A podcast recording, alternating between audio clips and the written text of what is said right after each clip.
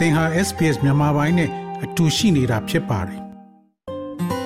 SBS မြန်မာပိုင်းကို အင်ကာနဲ့စနေနေ့ည10:00နာရီမှနားဆင်နိုင်တယ်လို့အွန်လိုင်းကနေလည်းအချိန်မီနားဆင်နိုင်ပါပြီ။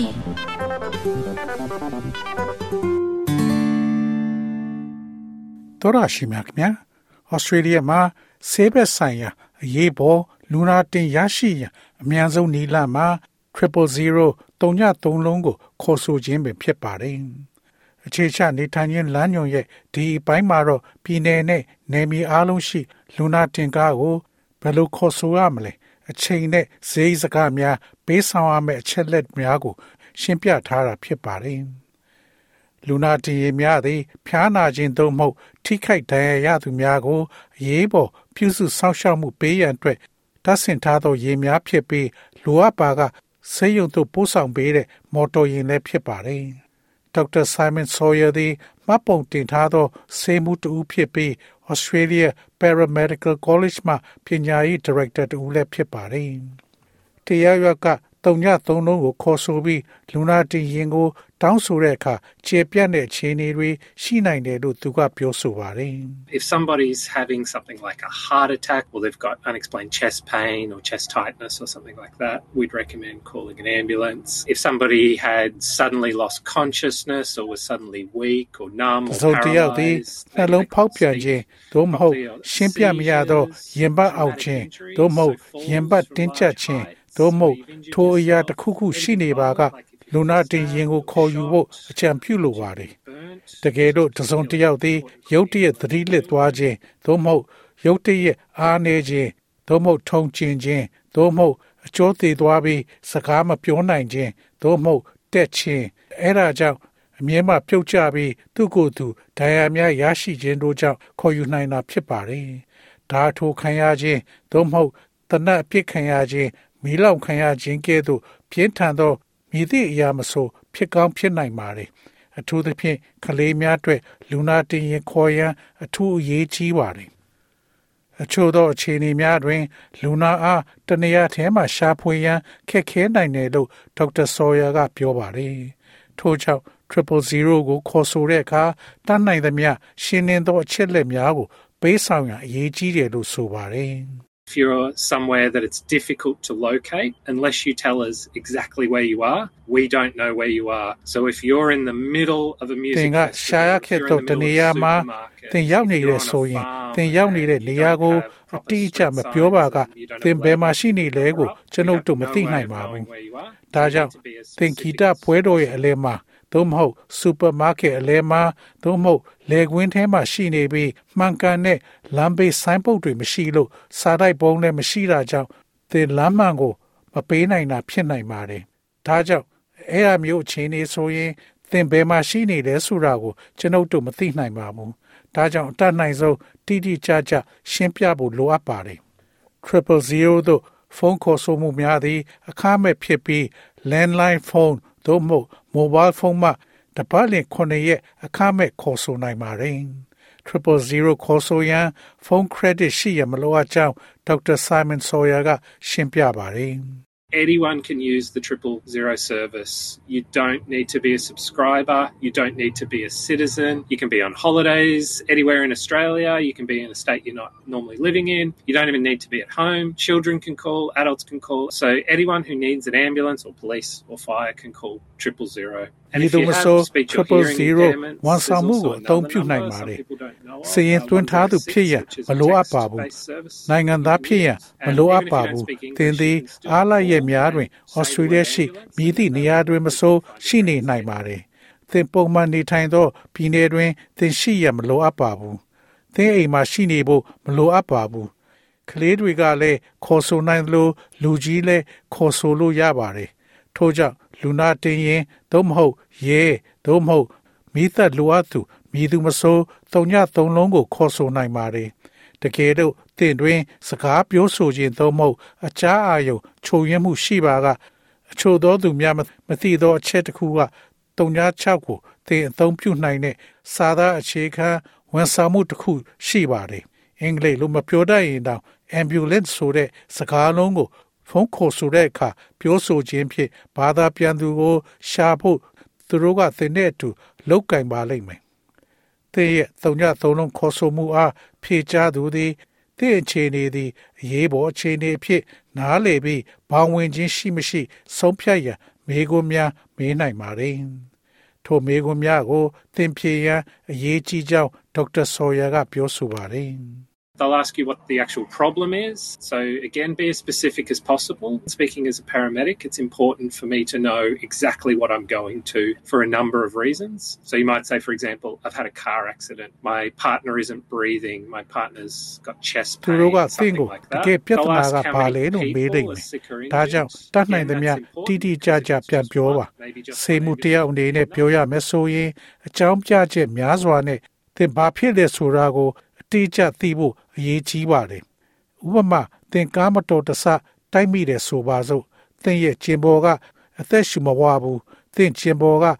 ရင်ပန်းအောက်တာမျိုးဖြစ်နိုင်ပါတယ်။လူပဲနှစ်ယောက်ဒဏ်ရာရလဲမေးနိုင်ပါတယ်။တဖန်အဲ့ဒါကအရေးကြီးလို့ရှိရင်လူပဲနှစ်ယောက်အတွက်လူနာတင်ဒစည်းနဲ့လုံလောက်လားဆိုတာကိုသူတို့ဆုံးဖြတ်ပါလိမ့်မယ်။လူနာများရဲ့အသက်နှင့်လိန်ပိုင်းဆိုင်ရာအချက်လက်များသည့်စေမုံများလိုအပ်သော မှန်ကန်သောဆေးနှင့်တစားပလာအရွယ်စားများကို ပြင်ဆင်ရာတွင်ကူညီပေးသောကြောင့်အရေးကြီးပါတယ်။အဲဒီမှာလူနာများက transsexual သို့မဟုတ် non-binary gender ဟုတ်မဟုတ်သိရှိရန်လည်းလိုအပ်ပါတယ်။ Lindsay McKay သည် Ambulance Victoria ရှိ Operational Communication ဆိုင်ရာရဲ့ယာယီအမှုဆောင် Director ဖြစ်ပါတယ်။ One in five calls in Australia don't require an emergency ambulance. And in Victoria, they'll come to our secondary triage team. So then you'll be connected to a highly experienced paramedic or a nurse, and they'll do a Australia clinical triage and they'll ask you lots of kind of medical questions to figure out how can they best support you. Which may not mean that you Victoria မှာတော့သူတို့စီတို့ကျွန်ုပ်တို့ရဲ့အလဲတန်း triage အဖွဲ့အစည်းရောက်လာပါလိမ့်မယ် အဲ့တော့သင်ဟာအတွေ့အကြုံရင်းတဲ့စေမှုတူးနဲ့ချိတ်ဆက်ရပါလိမ့်မယ်ဒါမှမဟုတ်သူနာပြုတယောက် triage အရေးကြီးလူနာကိုဦးစားပေးကုသခြင်းစနစ်ကိုလှုပ်ဆောင်ပေးနိုင်ပါတယ်ပြီးတော့သူတို့ကသင်ကိုဘလို့အကောင်းဆုံးပံ့ပိုးပေးနိုင်မယ်ဆိုတာအဖြေရှာဖို့ဆေးဘက်ဆိုင်ရာမေးခွန်းတွေအများကြီးမေးနိုင်ပါတယ်ဒါကသင်လူနာတင်ရင်လိုအပ်သည်ဟုမဆိုလိုပါဘူး၎ င်းတို့သည်အခင်းဖြစ်ပွားရာနေရာသို့ရောက်သည့်နှင့်ဆေးမှုများသည်ယာယီချမ်းမာရေးအခြေအနေကိုရှာဖွေမှဖြစ်ကြောင်းဒေါက်တာဆော်ယာကပြောဆိုပါတယ် Where experts in out of hospital emergency health will ask you about your symptoms. We'll ask a lot of questions about your past medical history as well and if you have allergies and if you have medications ကျန်းမာရေးကျွမ်းကျင်သူများဖြစ်ပါတယ်။သင်အတိတ်ဆေးဘက်ဆိုင်ရာသမိုင်းကြောင်းကိုလည်းမေးခွန်းများစွာမေးနိုင်ပါတယ်။သင်တွင် allergy ရှိပါကဆေးတောက်နေလား။စမ်းသပ်ဖွဲ့စည်းရန်ကျွန်ုပ်တို့အသုံးပြုသော အချက်လက်အားလုံးကိုယာယီယောဂရှာဖွေခြင်းဟုခေါ်ပါတယ်။သင်ဘာဖြစ်နေတယ်ဆိုတာကိုကျွန်ုပ်တို့ခံမှန်းနိုင်အောင်ပါ။အများအားဖြင့် လ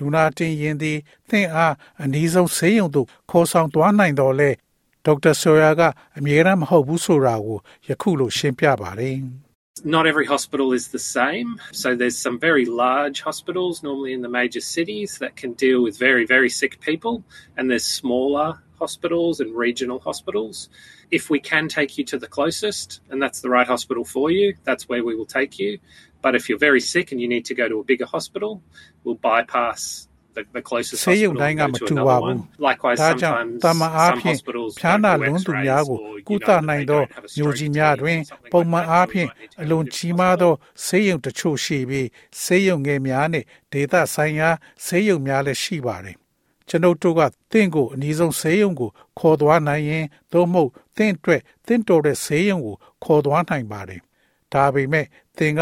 အရန်ဖျားပြီးနေမကောင်းဖြစ်နေပါကပိုကြီးတဲ့ဆေးရုံကိုသွားမယ်ဆိုရင်တော့အနည်းဆက်ဆေးရုံကိုဖြတ်ပြီးတခြားဆေးရုံကြီးကိုသွားနိုင်ပါတယ်အလားတူတခါတရံမှာတချို့သောဆေးရုံများသည်ဓမ္မရိုက်တဲ့ဆက်မရှိသလိုသို့မဟုတ်၎င်းတို့တွင် လေဖြတ်သူများကို ကင်တွင်နိုင်တဲ့အဖွဲ့မရှိခြင်းထိုကဲ့သို့သောအရာမျိုးမရှိကြောင်းသိသောကြောင့်တင့်ကိုတခြားဆေးရုံတစ်ခုကိုခေါ်သွားရန်လိုအပ်နိုင်ပါတယ်ပုဂ္ဂလိကချမ်းမာရေးအာမခံမူဝါဒရှိသူများသည်ပုဂ္ဂလိကဆေးရုံသို့သွားရရွေးချယ်နိုင်ပါတယ်။ Medicare သည်လူနာတင်ရင်ဝန်ဆောင်မှုများအတွက်အဲ့ဒီကုန်ကျစရိတ်ကအကျုံးမဝင်ပါဘူး။ ဩစတြေးလျရှိပြည်내နဲ့နယ်မြေအများစုတွင် လူနာတင်ရင်ဝန်ဆောင်မှုများသည်သင်အားဖုန်းခေါ်ဆိုက1ကီလိုမီတာနှုန်းသို့မဟုတ်နှစ်ခုစလုံးကို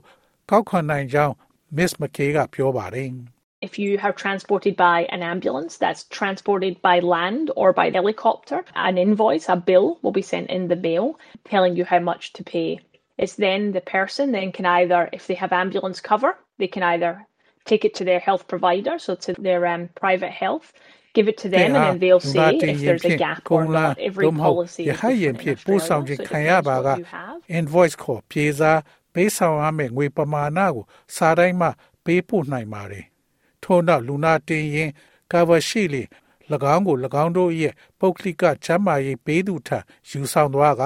၎င်းတို့အားပေးဆောင်ထားတာရဲ့ကွာဟမှုရှိမရှိစစ်ဆေးနိုင်မှာဖြစ်ပါတယ်။ Australia တွင် policy တစ်ခုနဲ့တစ်ခုမတူညီသောကြောင့်တင့်တွင်ရှိသော cover ပေါ်မှာမူတည်ပါတယ်။လူနာတင်ရင်ခေါ်ဆိုမှုအတွက်အခကျင်းငွေမှာ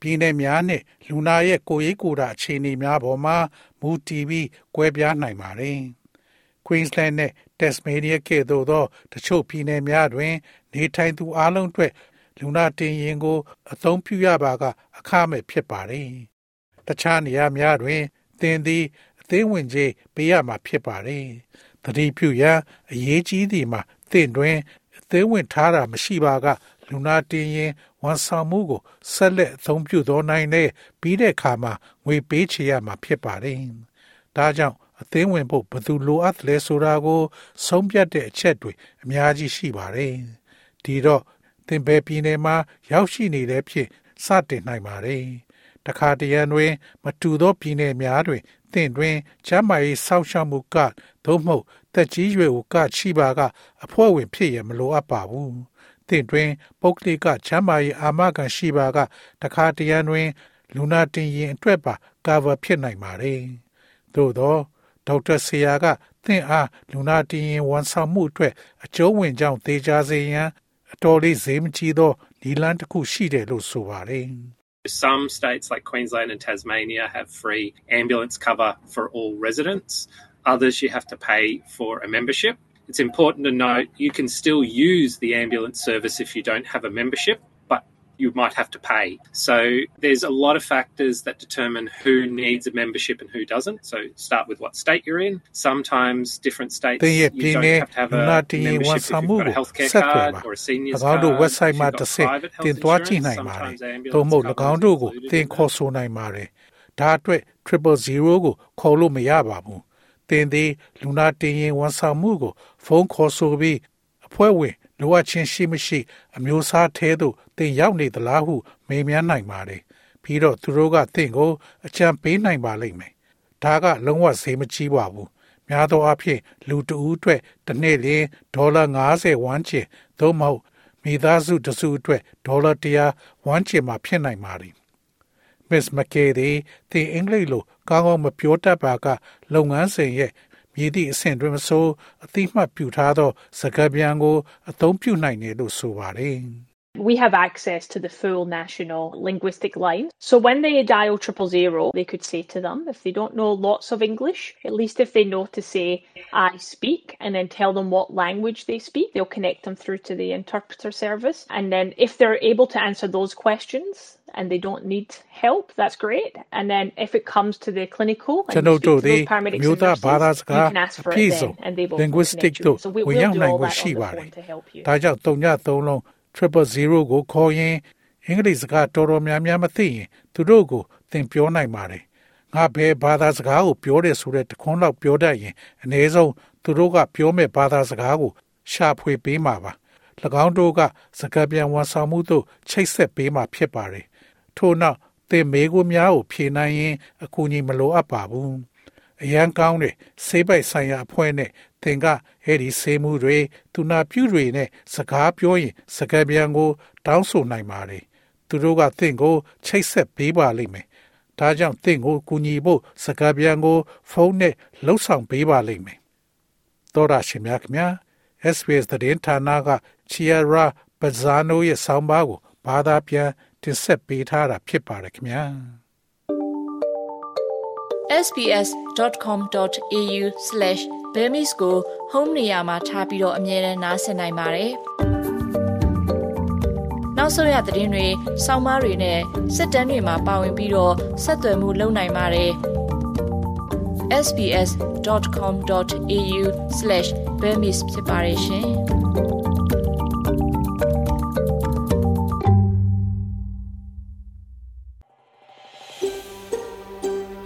ဒါမျိုးသတင်းဆောင်မာတွေကိုပိုနားဆင်လိုပါလား Apple Podcast Google Podcast Spotify တို့မှာသင်ပင်ရာဖြစ်ဖြစ်ရယူတဲ့ podcast ကနေပါ